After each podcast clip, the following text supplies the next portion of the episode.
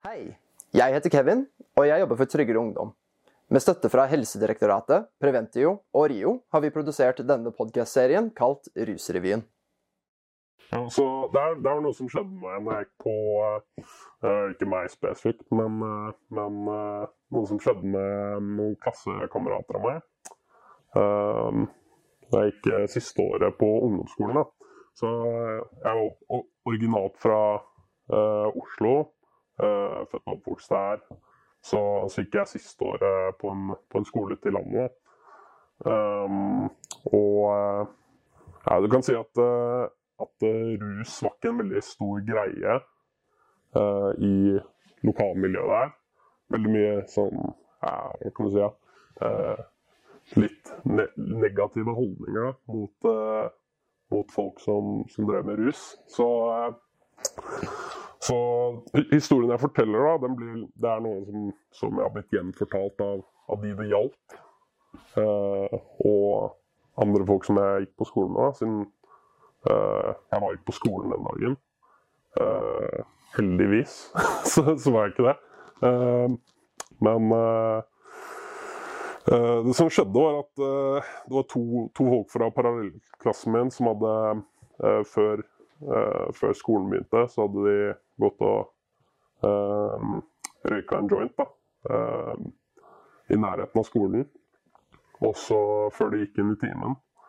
Um, og så Det som hadde skjedd, var at eh, det var en, en lærer da, eh, som hadde eh, som hadde sett dem, sett dem, gjøre det, eller sett dem uh, uh, se litt mistenksomme ut, kanskje. da. Um, de det hjalp, sa at det, var ingen som så dem gjøre det, men at det var på en måte bare en, uh, en antagelse. Men ja. Eh, hvem vet eh, på en måte hva som skjedde. Men uh, i hvert fall så ble, mm, så ble politiet tilkalt da, på mistanke at noen hadde røykt hasj. Og så, midt i skoletida, under undervisning, så hadde, de, så hadde, politiet gått inn og pågrepet to studenter. Da. midt i timen. Og tatt dem ut i gangen. Og de, hvordan de klasserommene så ut, da, var at det var sånn et vindu rett ved siden av døra. Så alle som gikk forbi gangen, kunne jo se rett inn i timen. Så, så, tok politiet og satte de elevene i, i håndjern opp mot glasset på vinduet. Sånn at, sånn at alle fikk med seg at de ble arrestert. da midt i skoletid.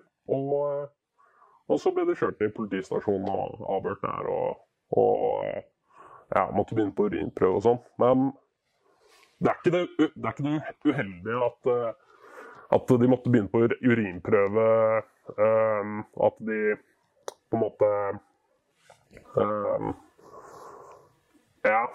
Uh, hvis, hvis, tanken var å hjelpe dem, da, så er ikke det, er ikke det kanskje det verste, men uh, det verste er vel å, å, arrestere noen, altså barn, da, midt i skoletida, foran alle på skolen. Alle fikk med seg at det her skjedde. Og du kan si før det så var det jo på en måte litt Det var ikke alle som visste hva de uh, holdt på på, på fritida. Men etter den dagen så var det noe som, som alle visste, da. Så kan si at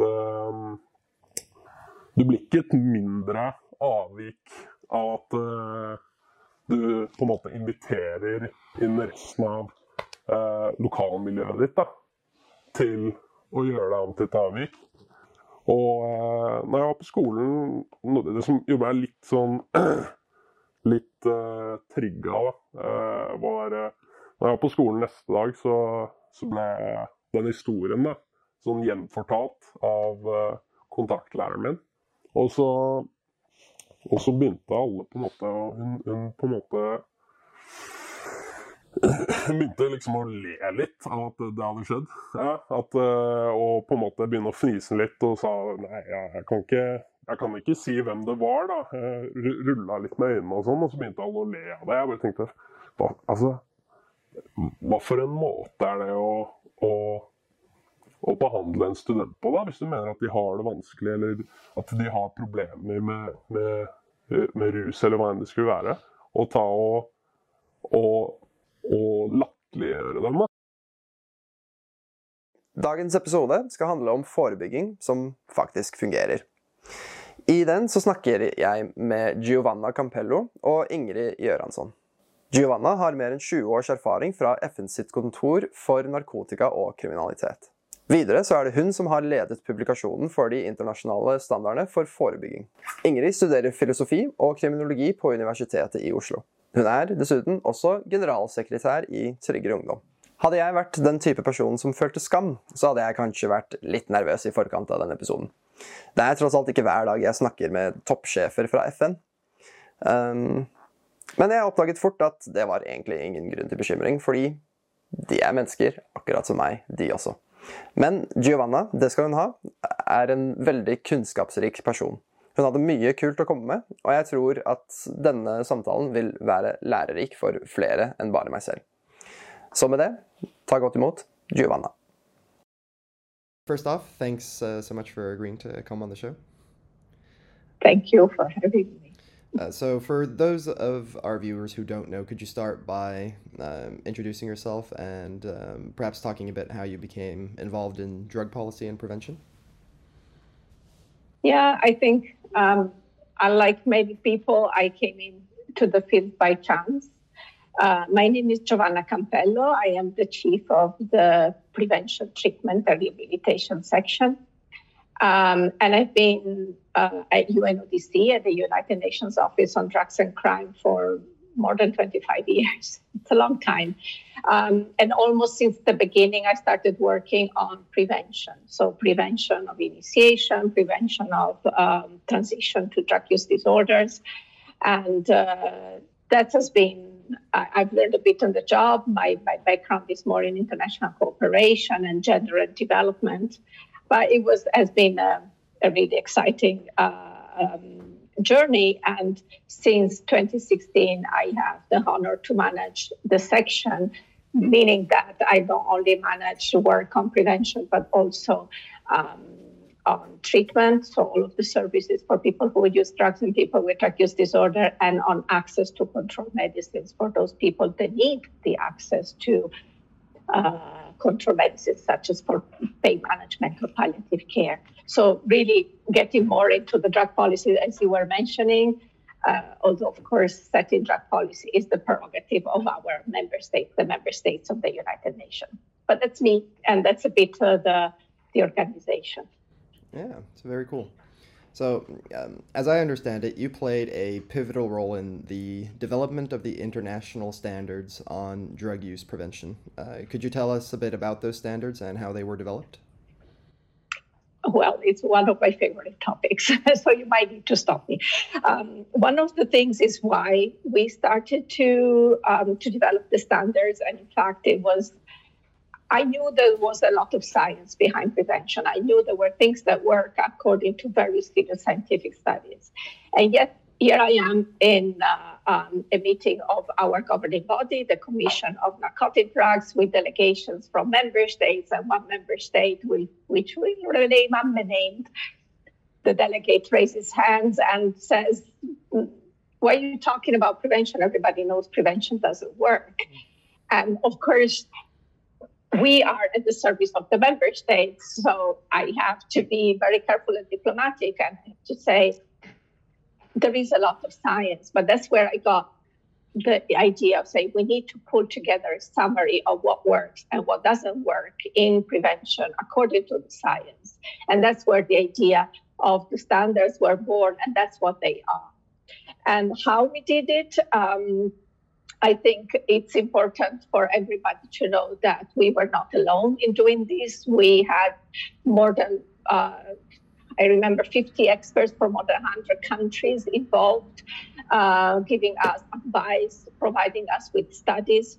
We had the colleagues from international organizations involved, WHO. In fact, the second edition of the standards is published together with WHO, but also um, the Organization of American States, uh, um, the African Union, the Colombo Plan, the uh, European Monitoring Center in Lisbon. So um, I'm just, and, and, the National Institute of Drug, uh, Drug Abuse, which is a governmental institute of, of the United States, but funds a lot of research on, on, on drugs in general. And I'm sure I'm forgetting somebody, somebody or some important institution, but it's important for, for you to know that we were not doing this on our own. We had a lot of people involved from all over the world. And the other thing important for you to know to note is that we followed a scientifically sound methodology methodology. Um, and we have the methodology at the disposal for everybody to see how we systematically looked for the, all of the studies that were relevant. We chose the relevant one. We looked at the methodology of each one of them to see if it was sound or not. And only on that basis, we created the summary that is the standards. So I hope this uh, gives you a good idea that uh, it's a really sound piece of work. And that when we say, according to the standard, this works, there is a lot of work behind. Right. It sounds like you had a very scientific um, method with um, what sounds like uh, stuff that's able to be peer reviewed and whatnot. Yes. Yes. Uh, can you tell us about what the difference is between primary prevention and harm reduction? Oh, yes. Um, so we don't use primary prevention as a term uh, anymore. Okay. And uh, um, although many people do.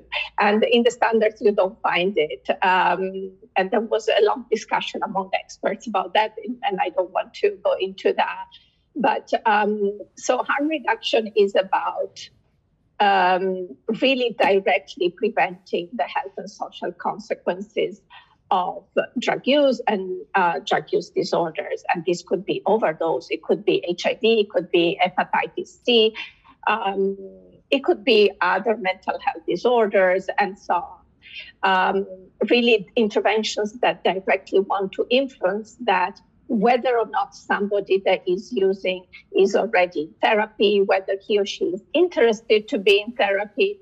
Uh, we just want to protect that health and uh, uh, facilitate, if they so wish, the uh, uh, process of therapy and recovery uh, of people who use and people with drug use disorder.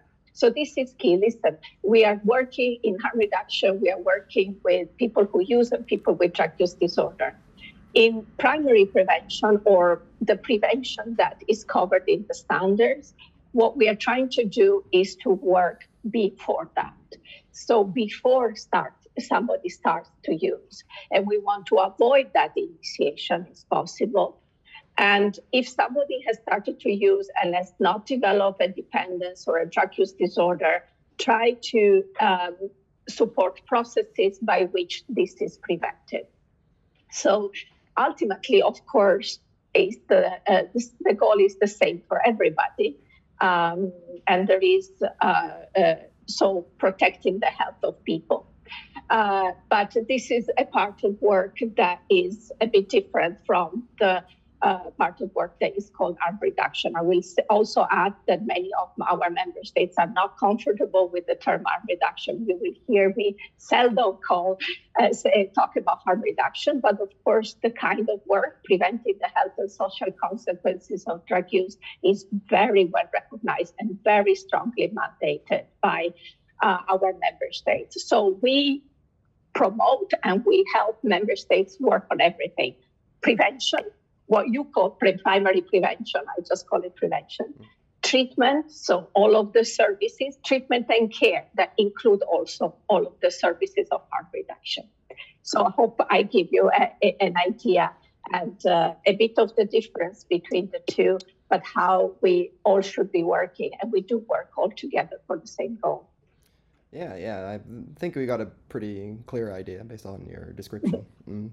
And in keeping with the differences between uh, that focus, I'd say, um, in reading through the standards, uh, they and the suggested measures they don't really address drug use in itself to any uh, significant degree. Um, why is that?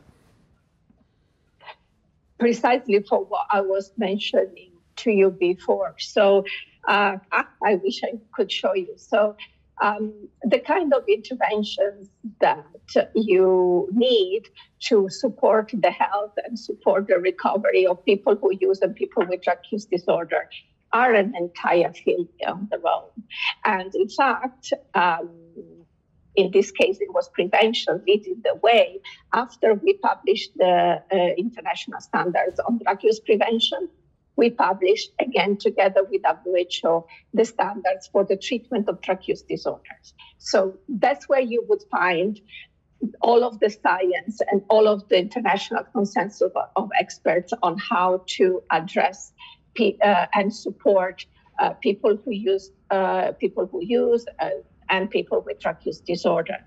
Um, but the prevention standards per se they only took the um, the the view of looking at the uh, this bit of preventing the initiation and preventing the transition, and that was a conscious choice. Sometimes, very often, prevention of drug use is a bit the Cinderella of the drug control world.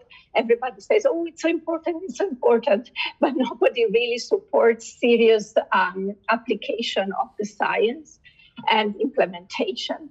And so that's where I wanted to really say, okay, everything is important. The entire continuum is important. But I want to take a look this one time, particularly at uh, uh, the prevention of drug use, what you call you would call primary prevention. So we are not leaving uh, the care of people who use and people with drug use disorder uh, with not forgetting it. In fact, we are complementing something that is already there. Right. So uh, the point isn't in uh, in prevention. It, it's not to focus on, like you said, drug use or individual drug use. It seems like it's more about um, dealing with the factors that might lead somebody to start using drugs uh, to begin mm-hmm. with. Mm-hmm. Uh, what kind of what kind of uh, factors are those?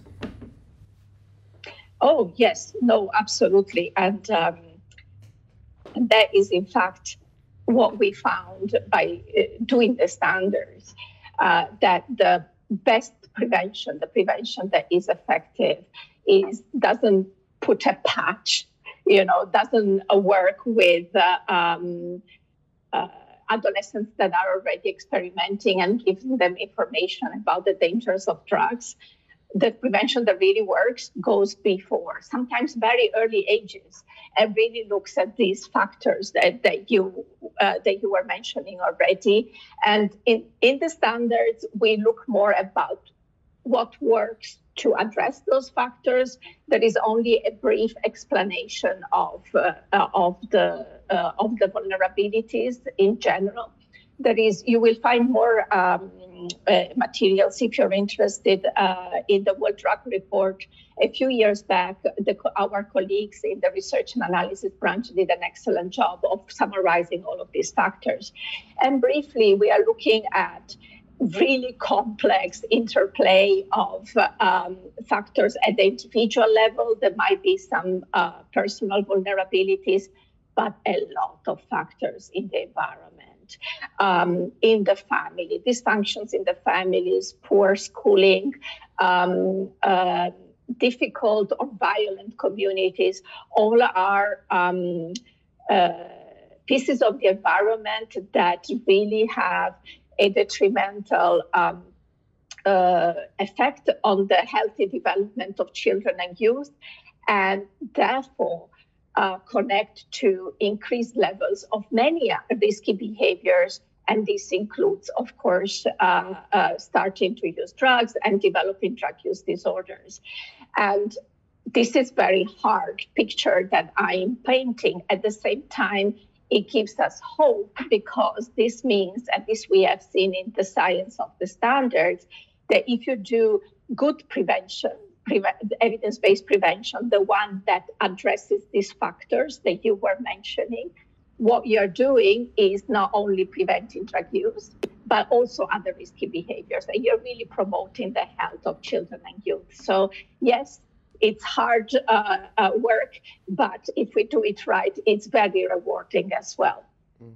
Uh, this is very interesting, and I think this is also what makes this is also what makes uh, anything to do with human beings so complicated because in many other you know scientific uh, fields you can isolate a bunch of factors and look uh, look at only one thing at a time and you can still get a result that's interesting that's usable. But it seems like with humans you can't do that because all of the factors are important and they're important at the same time because they all play off of each other. Well it's also the fact that the um, the research is could be better let's say could be stronger but it is not easy research to do because you really need to follow uh, um, cohorts of people longitudinally for a long time, big groups of people, so that you can, um, uh, you know, distinguish the, the influence of different variables, and that's not easy to do. So we have to make do with a patchwork of, of, of different kind of studies. And that's why you heard me say there are many factors. Yes, it's possible that there are um, factors that are important, uh, more important than others. Recently, there has been very important research coming up showing how the um, the influence of, of uh, adverse experiences in early childhood can be really devastating for the health and development of children and youth, which we knew before, but now we have more concrete data to this importance. We have, for example, some indication that family uh, related factors might be more um, inf- influential uh, for uh, in the development of girls than boys but these are glimpses so i would you know I would caution with being very, uh, and you don't hear me being very categorical. Um, but I think that we still have some good indications from research, and we should build on those and hopefully also build additional research. Yeah. Hmm. So, I've heard a I've heard a rumor that some Nordic countries, uh, Norway included, have requested that a separate set of UN prevention standards be made for a Nordic context. Um, is that something you can comment on? Not really. Um, what I can say is that what happens is that the standards, how can I put it? They are just a summary of science a snapshot of the science at that particular moment, which is by now a tiny bit out of date. The last edition is 2018, and I'm soon starting to update it. But the science is not really adaptable in the sense that it is what it is, right?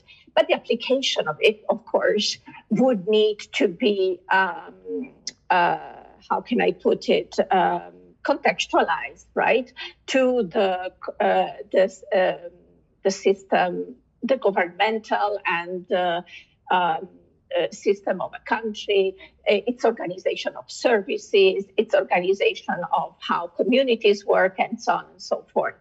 And therefore, I I cannot comment on your rumor, but I would not be surprised, and I would welcome a dialogue from the Nordic countries to say, hey, we have the standards, we have that snapshot from the science. How do we apply it in our countries? And um, is there a model that can be uh, that we can build that is common to all of us? I, I don't know, but I think that would be a very interesting and uh, exercise that might be of inspiration worldwide. In fact i mean if it's uh, if it if it happens and if it is successful there might be other groups of countries that maybe are a bit closer in culture and in organization and that might want to do similar exercises and benefit from that. So um, yeah let's see. And uh, if this is really a reality I'm at the disposal, of course, of, uh, of the governments and of the civil society um, to uh, to participate in those discussions. It would be great. yeah. Um, hypothetically speaking, do you have uh, do you have any uh, examples of how uh, the uh, implementation of these standards might differ, like concretely from, uh, let's say, between a high income country and a low income country, for example? Well, I mean, there would be a lot of differences in terms of um, where you would put your priority and where, depending on which substances are being used, starting at which age and in which context. So, in a country, let's say hypothetically, where a lot of the use uh, starts relatively late in recreational context, entertainment venues, and so on, you would want to do uh, certain programs, and there are some good ideas based on science in the in the in the uh, in the standards. But let me think about a country where, in reality, use is concentrated among um, children in very vulnerable circumstances, like street children that don't even use what we would call controlled substances, but you know fumes from uh, exhaust or um, or from rubbish um, uh, to cope with the cold and the hunger. You would need a very, very, very different approach there. Um, and uh, and in between, of course, there is a lot that can be done, and that has been found useful with families, even in very uh, poor and difficult communities. That has been found to be very protective of the children. Um, and if children and youth are in school, of course, there is a lot that can be done to support their social and emotional learning. I'm giving you some extremes and some of the in between uh, kind of work that we find ourselves uh, supporting again and again. Um, and the other things that, and this is just for the beginning, then you need to also see is there a system in the country beyond drug control, right? that is there to support the, uh, the health and development of children. I'm thinking about antenatal services, education, health services, mental health services. These are all um, services that help, even if they're not drug prevention per se, and that a drug prevention system could connect to to build on. Um, so that becomes a bit of a more longer term discussion, of course, uh, that you need to have involving different sectors. Um, yes, sorry, it's um, countries are very, very diverse. Uh, so I'm trying to give you some examples without falling into generalization, and it's not easy, but I hope I managed to give you a glimpse of the kind of, of discussions that we have. Yeah, yeah, for sure. It's uh, very fascinating. And just reinforcing what we talked about earlier about this being very complicated. Um, so moving from the hypothetical to something more uh, particular in Norway, um, so a popular prevention measure here has been for teachers and police to lecture classes on the risks and negative consequences of substance use. And as we've already mm-hmm. mentioned, um, this isn't uh, something that the standards necessarily recommend? Um, might be a bit leading question, but do you think there's any reason to believe that uh, this would be effective in Norway? Um, first of all, what I, always say is, where is your evaluation? Okay. And I'm very cognizant of the fact that the standards, as I was telling you, it's a snapshot of science. And there are many gaps in the science, right? and uh, um, and there are things that have changed between the first and the, and the second session. I give you an example on family. We used to really seem to have evidence that the only thing that was working was really group work over a, a, a series of sessions. But in between the two uh, editions, we started to get evidence that even very basic information sharing on parenting done well, but even a single session information sharing could have, you know, actual impact. So we're ready to change if you give me that evaluation study. there must be an evaluation, though, and really an evaluation that says this has resulted in less use, not an evaluation that says everybody was very interested and happy to be to listen to the lecture. Okay, so if there is this, is like you have me and you have an evaluation of this. Let me look at it. Let's look at it together. Um, and I don't know what the situation is with regard to uh, uh, to this particular initiative that you're talking about. The other thing that I need to add is if you look in the standards, what is not effective is providing information alone. Okay, but information is about the danger of drugs, if done well, is needed as part of a package that also looks at the social and emotional learning of the children and on of youth. So then the next my next question would be is this done in isolation um, is it done only in a very uh, unparticipatory way but if it is done well and linked to other um, other uh, components let's say of a package of uh, work in, in educational settings. It would it could be contributing a, a um, an important piece. So it's very seldom a yes or no answer, and it's a lot of looking into things from different angles. And I hope that with my uh, answer, I've given you a way a way um, to look at whatever initiative, including the one that you are mentioning, uh, with critical eyes in a, in a constructive way. And the standards have, for each one of the interventions that are found to be effective, we have a list of characteristics that seem to be associated in the science to effectiveness. So you can take any intervention and say, oh, okay, in the standard, this intervention should be more or less in this way this kind of content, this kind of delivery, and so on. Where are we? Can we move in the right direction? And uh, of course, I would prefer an evaluation, as I was mentioning, and but I'm also realistic, and I know that in many cases these are uh, not something that can happen all the time. Let's say, and so there is still a way of um, interventions to be improved according to the science um, and, and, and improve our, our collective work, way of working. And so, yeah, I, I hope that um, I'm inspiring you to pick up the standards and use it for this purpose as well. Uh, yeah, certainly. I'm uh, inspired personally, at least. um, and uh, going back to the standards for a moment, they recommend both tobacco and alcohol um, policies to let's say, effectively reduce the negative effects of using these substances. Do you think those recommendations are perhaps generalizable to um, other types of drugs? Like marijuana, for example?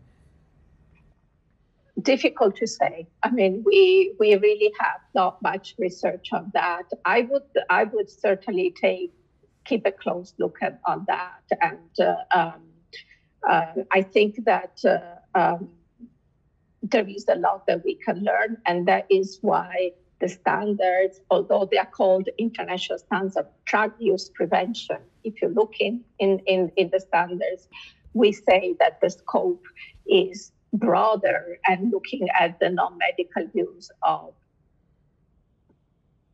I think we said all psychoactive substances. I'm now thinking there might be some that we have not been able to look into or really take uh, care of in depth, but certainly the idea was there.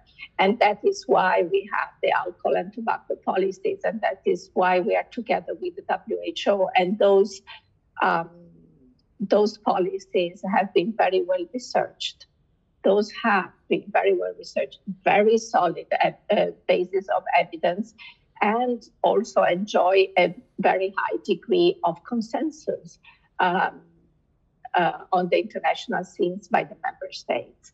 So um, I'm not sure how much they are generalizable. Certainly, the drug control system is an attempt uh, to uh, discourage the accessibility of people to substances that can be harmful for health. And, uh, um, and therefore, um, I think that uh, there is a huge connection there. Right, and I see we are running short on time. So the uh, last question I'd like to ask you is: uh, Is there any type of overarching drug policy uh, that your office recommends? So whether it's like criminalization, decriminalization, or some kind of regulation. It's the member states that agree um, on on uh, what is, in their view, the best way of addressing the drug use, um, uh, the drug problem, uh, or the drug situation. Within that, the indications of the uh, member states is very clear, and I can uh, provide you with the documentation. I think. Um, starting from the conventions themselves uh, into more recent documents like the outcome document of the General Assembly in 2016 and the ministerial declaration in 2019. These are very easily find, findable, Googleable uh, online.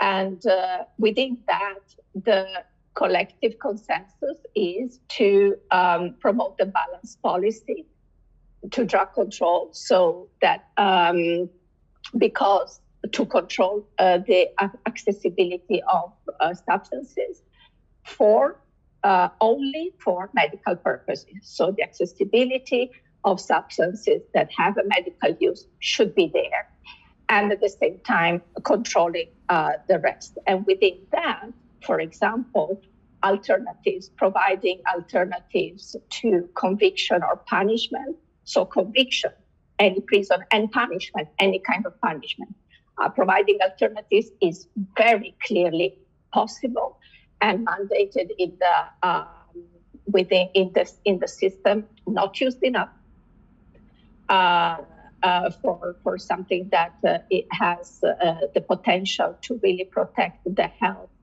of uh, people and communities and protect even the security because good alternatives. Um, lower drug use, lower incarceration rate, lower um, prison overcrowding, uh, lower recidivism. So uh, within this, uh, that is very clearly um, mandated, as is the continuum of care that I was mentioning to you about prevention, treatment, and prevention of the health and social consequences. Um, so I think that that is uh, the continuum of care uh, pro- protecting and promoting the health of people is very clearly there. I'm very happy to um, put you in contact and, and uh, for people that are interested, uh, direct them to uh, uh, the relevant documentation and even sometimes the relevant text. I cannot say that our member states have a gift for producing concise documents, that the documents are very rich um, and so sometimes it's it's easy to get lost. I'm very happy to help anybody that is interested to uh, to have a discussion about them together. Okay, excellent. Uh, thank you very much for your time. It's been a very interesting uh, conversation. Thank you. Thank you for having me and looking forward to being in touch. Nå fortsetter samtalen med Ingrid. Ingrid er altså min medsammensvorne på dette podkast-prosjektet. Hun sitter for, ofte, for, det meste litt mer bak kulissene og trekker i snorer, men i denne episoden så valgte jeg å trekke henne ut i rampelyset. Og Grunnen til det er fordi hun er spesielt opptatt av forebygging som fungerer, og jeg føler at hun har veldig mye fornuftig å si om det temaet. Så med det fortsetter vi samtalen, så ta godt imot Ingrid Gjøransson. Da er vi i gang. Kult at du kunne komme. Takk for at jeg fikk eh, være med. Jo, selvfølgelig. Det skulle bare mangle. Så hvem er du? Hvordan ble du opptatt av ruspolitikk? Ja, så jeg heter uh, Ingrid Engen Gjøransson, og jeg er generalsekretær i Tryggere Ungdom. Eh, måten jeg ble interessert i ruspolitikk, eh, det er ganske gøy. Jeg var i utgangspunktet, da jeg var yngre og fram gjennom hele videregående, ikke interessert i ruspolitikk overhodet. Det var det kjedeligste temaet jeg visste om. For det var ganske enkelt, ikke sant. Det var bare å si nei, og ferdig. Eh, men eh, så, etter hvert, da jeg begynte å studere, så hadde jeg et eh, emne mens jeg var på utveksling i USA, eh, som het Drugs, Society and Justice. Og da begynte jeg å lære at det om det akademiske som lå til grunn, da, og fant ut at egentlig så er det ikke så mye som støtter opp under den politikken vi har i dag. Og da ble jeg eh, veldig motivert på feltet. For her er det veldig mye man kan ta tak i ganske enkelt. Vi har ganske mye forskning. Og så har det ikke blitt gjort allikevel. Så her er det store tak å ta, og mye, mye godt man kan gjøre, da. Ja. Du nevnte at du er eh, generalsekretær i Tryggere Ungdom. Hvordan havnet du der? Ja, så jeg ble eh, Egentlig så ble jeg med i Tryggere Ungdom som organisasjon for kanskje sånn to år tilbake. Og da ble jeg prosjektleder i et eh, mentorprogram. Eh, og så i februar i år så mistet vi dessverre vår tidligere styreleder. Eh, han eh, skulle gå videre til en ny jobb.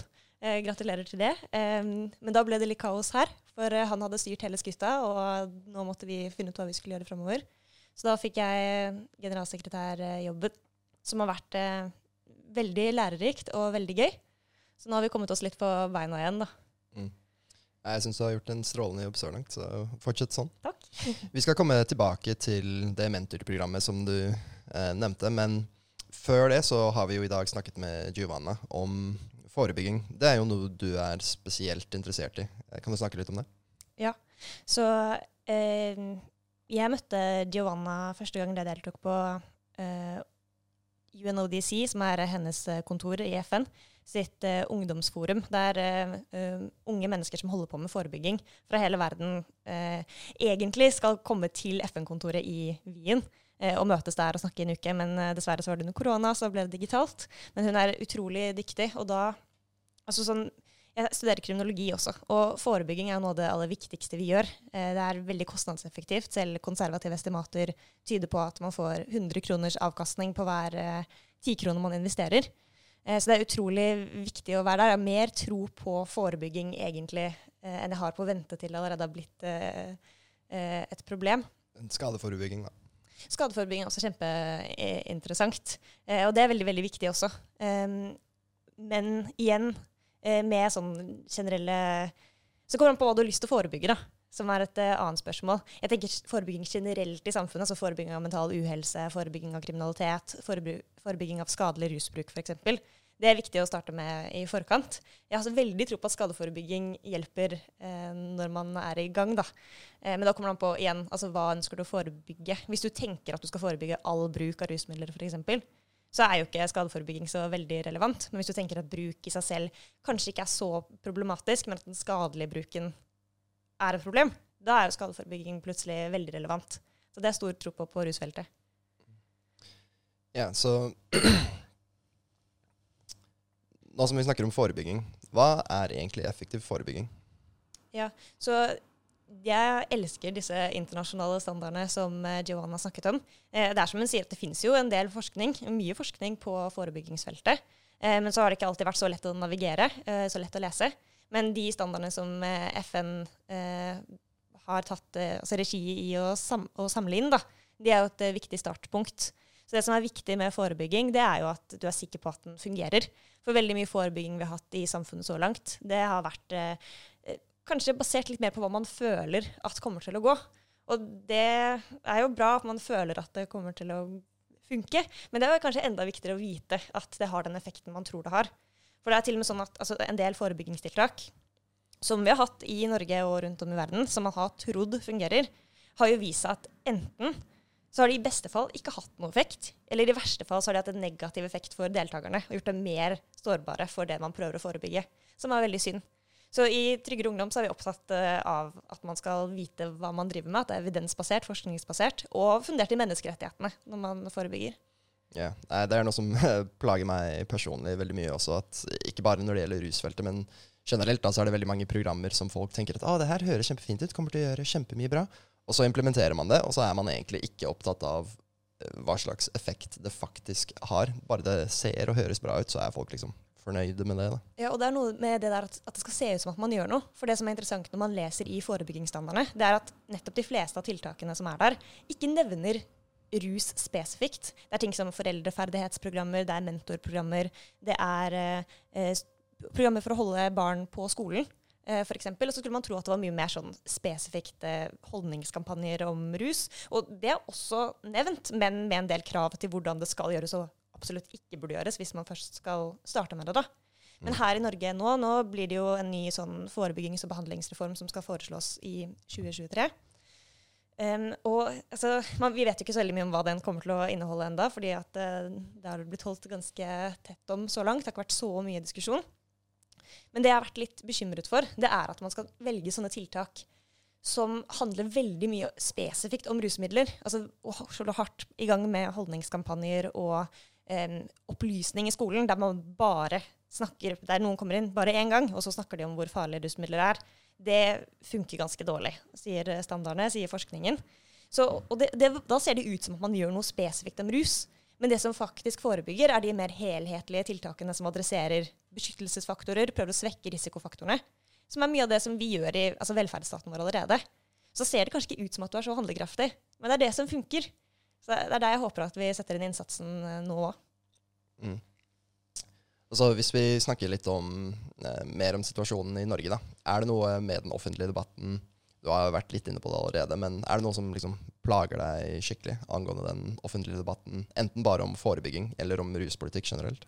Det er masse som plager meg med den offentlige debatten eh, når det kommer til det temaet her. Spesielt at den er så utrolig følelsesbasert da, på alle temaene. Man eh, har eh, satt seg veldig fast i en del tanker om hvordan ting faktisk er. Og det er ikke så rart, for det er jo det som har blitt fortalt gjennom hele oppveksten.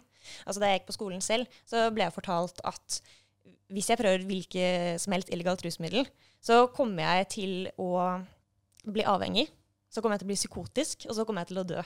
Og, er, og, og sånn, sånne type tanker ser man i samfunnet generelt. Altså det er veldig lite basert på fakta. Eh, som, ja, det, det plager meg. Hvis du kunne, Hva er det du ville likt å se endret med den debatten? At, ja, altså, åpenbart kanskje mer evidensbasert og sånne type ting, men eh, noe mer spesifikke detaljer enn det?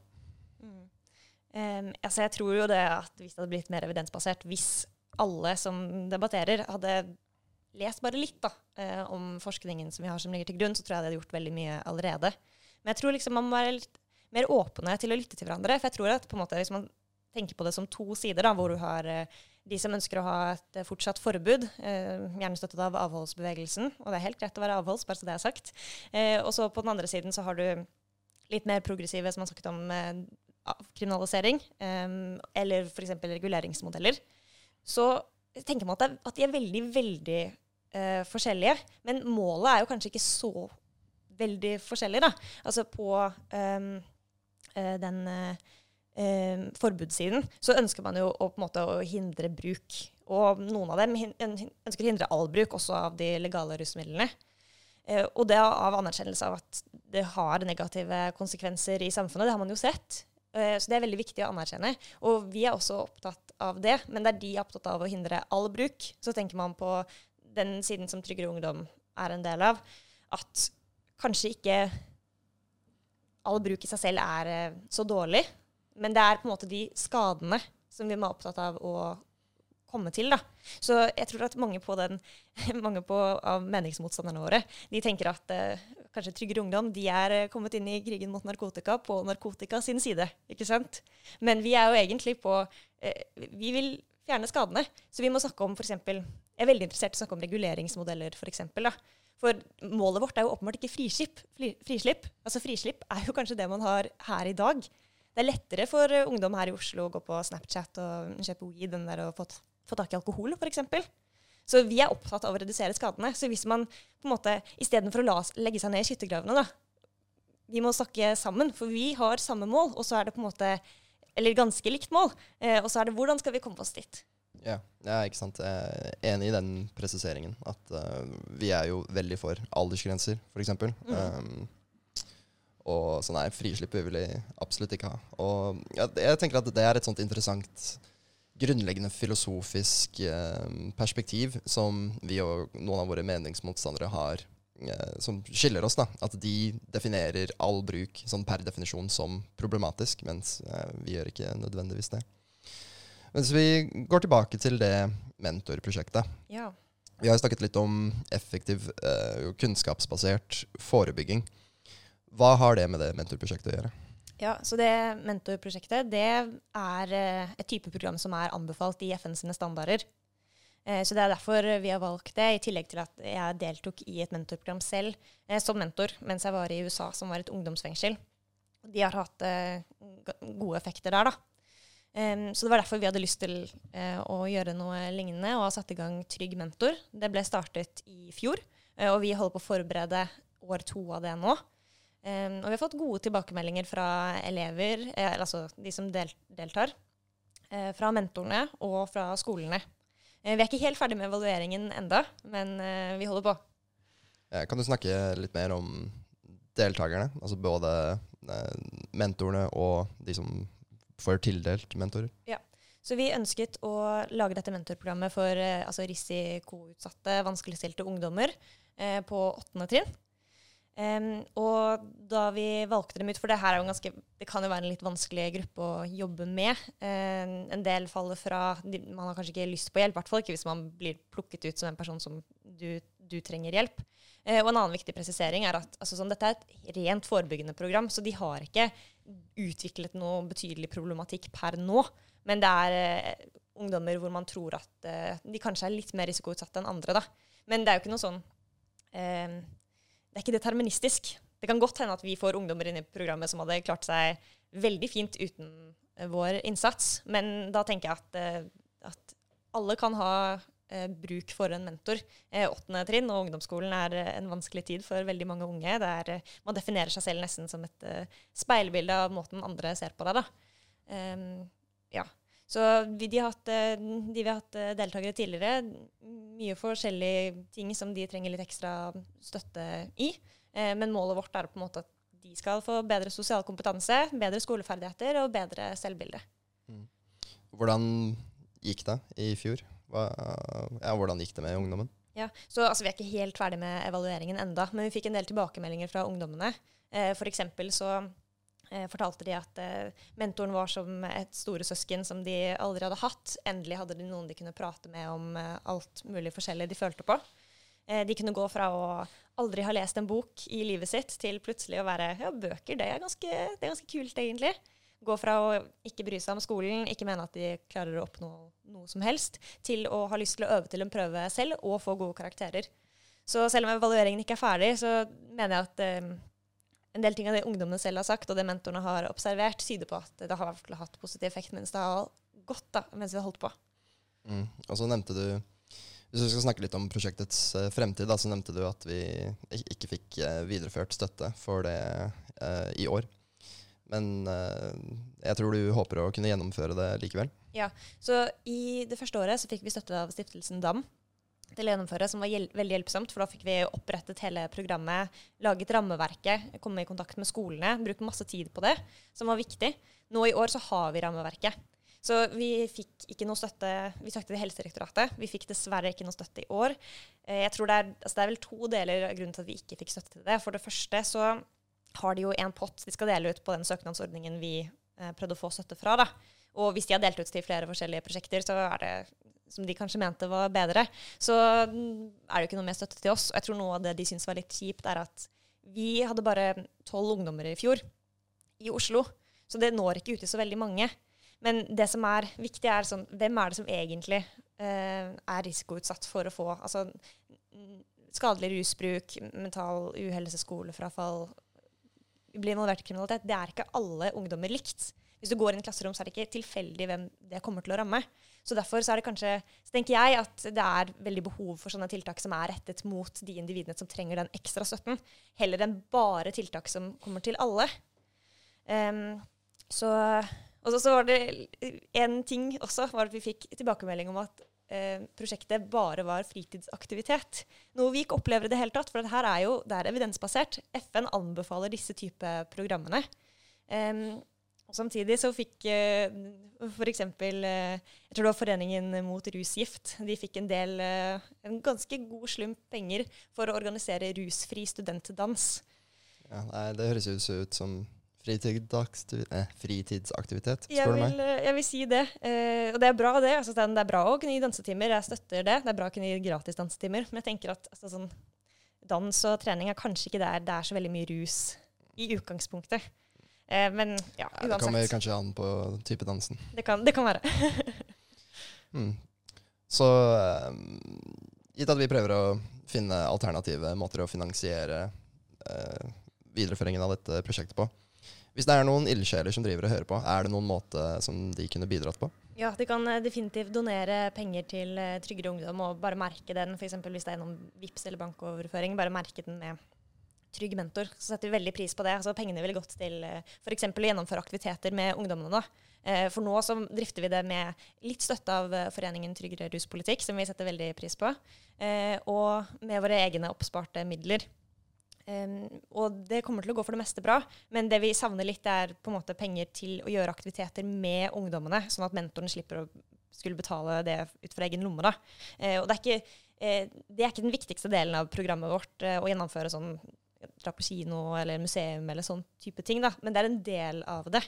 Eh, så hvis vi hadde fått mer støtte til det, så hadde det f.eks. vært eh, helt fantastisk. Mm. Jeg, jeg har jo eh, i min eh, barndom hatt eh, ja, noe du kan tenke på som sånne type mentorer. Da. Og jeg husker at det var veldig givende når de tok meg med på liksom, en buldring eller eh, andre typer aktiviteter. Da. At det var en tid jeg satte veldig pris på. At jeg følte at jeg fikk en connection med en person som jeg begynte å se litt opp til. og sånt. Så Basert på min egen erfaring så kan jeg se for meg at det ville vært veldig kult, da, særlig for vanskeligstilte ungdom som kanskje ikke har så mange folk som inkluderer dem i den slags type ting. Ja, så vi tenker at det er viktig at man kan på en måte variere. For de møtes altså i mentorprogrammet, det fikk jeg ikke sagt, men de møtes jo da altså Hver ungdom får hver sin personlige mentor, og så møtes de ukentlig i ca. 60 minutter og gjennomfører forskjellige aktiviteter.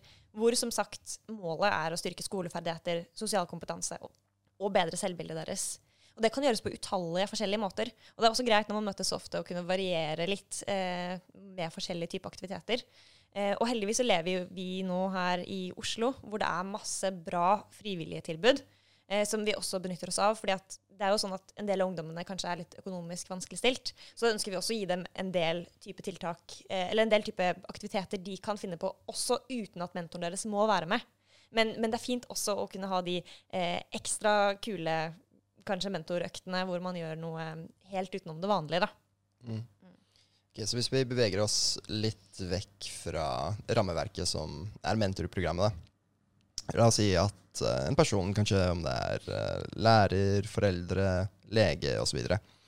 Hvis de blir møtt av en ungdom som sliter med rusproblemer, eh, hvordan burde de gå fram da?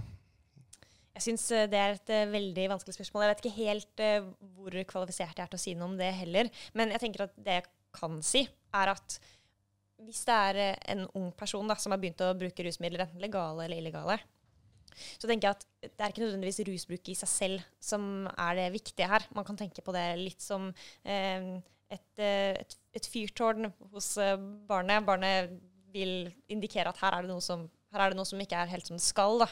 Så det er en eh, fin inngang kanskje for å se på hva annet i livet til barnet som gjør at eh, det har begynt å bruke rusmidler. da. Mm. Heller eh, enn å være veldig opptatt av rusbruket i seg selv. Ja, en helhetlig tilnærming. Ja, bruken blir kanskje mer som et symptom. da. Og hvis du fokuserer veldig på det, så blir det symptombehandling eh, fremfor noe annet. Ja. Mm. Og det er kanskje en interessant diskusjon, fordi en av forskjellene mellom hvordan man møter ungdom kontra voksne som har rusproblemer, er at med ungdommen så er det kanskje forebygging som er det mest interessante, mens eh, hvis de har utviklet det i voksen alder, så er det kanskje mer skadereduksjon som er fokuset i den settingen. Ja, og jeg tenker Noe av grunnen til det er at når det kommer til barn, eh, så vet vi altså vi har mye som tyder på at hvis du begynner å bruke forskjellige rusmidler når du er ung, og egentlig før hjernen er ferdig utviklet, som skjer ved 25 års alder, så er rusbruket mer risikofylt enn hvis du venter til etter det. Eh, så Derfor så ønsker man jo å enten forhindre eller utsette rusdebut hos barn så lenge som uh, mulig. Eh, men når man blir eldre, eh, så har ikke har ikke den ekstra risikoprofilen. Og selvsagt så er det fortsatt en del risiko som kommer med bruk av både legale og illegale rusmidler. Um, men hvis man tenker at, uh, igjen da, at bruk i seg selv kanskje ikke er problematisk, men det er den skadelige bruken som er problematisk, ikke sant? hvis du får uh, avhengighetsforhold til det, eller hvis du bruker det på en måte som innebærer veldig stor risiko, f.eks. for, for uh, overdose eller negative erfaringer, så kan man sette inn en del tiltak da, for å hindre de negative opplevelsene. Så da er skadeforebygging veldig interessant. Mm. Tenker du at politiet har en rolle i forebyggingsarbeidet? Eh, det er jo et veldig interessant spørsmål, det også. Eh, når jeg hører det spørsmålet, så tenker jeg for det første at, eh, at jeg vet ikke helt om de har midlene som er egnet for å drive med forebygging. Altså at, at kanskje vi i det minste ikke skal tenke at de er de viktigste til å forebygge rusbruk. Jeg vet ikke om det er det som blir tenkt i samfunnet, men det er jo sånn det er jo ofte at når man ser rus, så tenker man at man må få politiet inn så raskt som mulig, men egentlig så er det kanskje sosialarbeidere du skal ha inn. Bedre mentale helsetjenester. Um, så, så, jeg vet ikke. Men jeg, jeg, jeg, tenker at jeg er litt usikker på om de har midlene for det meste de kan gjøre. Altså, de kan jo komme med samtaler, men uh, så vidt jeg forstår, annet enn det verktøyene deres er jo for det meste maktmidler. da. Og jeg vet ikke om det er sånn du skal møte noen. Eh, og så er det i tillegg også statens voldsmonopol. Da. Så det, det, gjør jo noe med de som blir møtt, eh, uavhengig om de prøver å hjelpe deg eller ikke. Så er det en stigmatisering som skjer der, som jeg ikke vet om er helt heldig. Så altså, Personlig så tenker jeg at politiet kanskje ikke har at man ikke skal tenke at politiet skal ha så mye med forebyggingen å gjøre, og at det er andre aktører som er mye viktigere der. Mm. Ja, det blir jo litt implisitt da, hvis man skal ha et møte med politiet. At men, politiet de er jo her for å deale med kriminelle. Eh, og eh, i dag, da, hvis man holder på med illegale rusmidler, så er man jo per definisjon kriminell. Eh, det er et litt uheldig fokus, da, kanskje. Spesielt med folk som hvor, ja, som vi har snakket om, da, at rusbruken er et symptom på andre underliggende problemer. Mm. Ja, spesielt da. Men jeg tenker også egentlig sånn For de aller fleste som bruker rusmidler, både de legale og de illegale, så har de ikke et overordnet problematisk forhold til dem. Eh, det er veldig mange som bruker eh, altså de illegale rusmidlene på en ansvarlig og kontrollert måte. Eh, og å møte Jeg vet ikke de, Jeg tenker at de trenger nok altså Tryggere Ungdom støttet jo avkriminaliseringen. Og i den så var det jo snakk om at eh, alle eh, Altså denne rusreformen. Eh, og der var det snakk om at alle som blir mm, Der politiet avdekker rusbruk, skulle bli henvist til en sånn Hva var det det het igjen? Sånn rådgivende enhet. Og sånn med det også. Altså jeg er helt enig i at det er veldig bra å gå fra straff til hjelp. Men jeg tror kanskje at man mistet at man mistet kanskje noe av nyansen i diskusjonen. For nå har man gått for at alle rusbrukere er, illegale rusbrukere er kriminelle til alle rusbrukere er uh, sårbare, og de trenger hjelp. Men jeg tror at uh, de fleste har nok et uh, kontrollert bruk, og de trenger tilgang på skadereduksjon. De trenger å kunne gå til legen sin og fortelle om rusbruk hvis de skulle utvikle et problem. Ja, og de trenger, eh, de trenger eh, sikrere rusbruk, da, som man kan endre med reguleringsmodeller eh, f.eks., eller rusmiddelanalysetjenester. For nå er det jo sånn at altså, eh, det, skjer jo overdoser jeg tror det årlig i Norge pga. MDMA, som er et sånt egentlig Hvis man kan omtale noen rusmidler som tryggere enn andre, da, så er det jo et skadepotensial er jo på en måte tryggere, i hvert fall enn alkohol f.eks., hvis det brukes rett, og hvis du faktisk har fått MDMA. Um, men det vet du ikke når du kjøper det på det illegale markedet. Så det er eh, alle disse type tiltakene som er interessante for skadereduksjon. Mm. Ja, så er det viktig å presisere eh, dersom det brukes rett. Det er mange Dersom det brukes rett, definitivt. Ja, det er mange som, har, som tar helt vilt høye doser i tro om at ja, men det er jo helt normalt. Og, ja, og det er veldig interessant, for det tror jeg kommer litt fra alkoholkulturen vår, egentlig.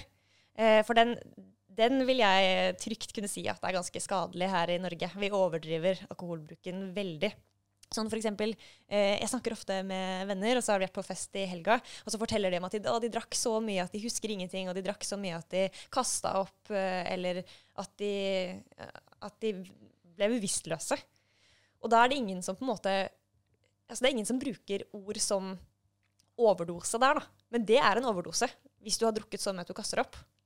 Um, men ja, så, så på grunn av det, at den kulturen at du kan bare drikke mer og drikke mer Så hvis du ikke har noe kunnskap om illegale rusmidler, så tenker du med MDMA at eh, ja, altså, hvis jeg tar en høyere dose, så er det på en måte, da blir det bare mer rus. Eller um, at du kan ta det hver uke eller hver dag, f.eks. Så vil det ha store negative konsekvenser. Så det handler om riktig trygg bruk. da. Eh, og der er skadeforebygging veldig viktig. For Um, rusopplysningen.no, hvor man kan uh, gå inn og lese om uh, skadereduserende måter hvis man har bestemt seg for at uh, man selv eller noen du kjenner har tenkt til å prøve et legalt eller illegalt rusmiddel. Mm. Så på rusopplysningen så kan man også finne rusmiddelvideoer, bl.a. en episode om MDMA. Mye bra informasjon. Mm. Alright. Vi begynner å gå mot slutten, så de spørsmålene vi liker å stille avslutningsvis, er hvordan ville din ideelle rusreform sett ut? Ja, så da tenker jeg for det første at eh, altså i Tryggere ungdom, da, så har vi, vi støttet avkriminalisering, vi støttet rusreformen.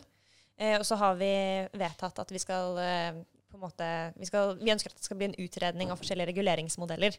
Men har ikke landet på noe som Tryggere Ungdom som organisasjon spesifikt gir støtte til, annet enn at vi vil ha utredning. Når det kommer til meg personlig, så er jeg mest av alt interessert i reguleringsmodeller. Jeg vet ikke akkurat hvilken type jeg er opptatt av, for det er viktig å anerkjenne at det finnes utrolig mange måter man kan gjøre det her på. Eh, eksempel, det er jo noen som snakker om eh, altså hasjmonopolet. Eh, det er snakk om løsning gjennom apoteket. Eh, det kan, være, altså det kan være kommersiell omsetning, sånn som man ser eh, litt i USA. Det er mange typer løsninger, da. Men jeg tenker at det viktigste er å finne en løsning hvor, eh, hvor det blir sikrere for de som velger å bruke. Eh, der man vet at du kan gå på butikken og så vet du at det du kjøper, er det du faktisk hadde lyst til å kjøpe. Hvor informasjonen er tilgjengelig eh, om hvordan du skal bruke dette på den minst skadelige måten. Og hvor inntektene fra dette salget av forskjellige rusmidler går til staten istedenfor illegale markeder som måte som utnytter barn da, i produksjon og omsetning av rusmidlene for å komme under den kriminelle lavalderen, og da ikke ha noen negative eh, Ja, og unngå straff selv, da, for at barna kommer under med min, mindre straff. Og hvis de dør i prosessen, så er ikke det så farlig. Så da at vi tar inntektene her i Norge og bruker det på forebyggende tiltak, helsefremmende tiltak, Um, Istedenfor at vi nå bare bærer kostnadene av samfunnet, mens det illegale markedet tjener seg rike. da. Så reguleringsmodeller er det jeg er interessert i. Men jeg vet ikke personlig hvilken ennå. Kult. Takk for at du kom. Veldig fin samtale. Takk for at jeg fikk komme.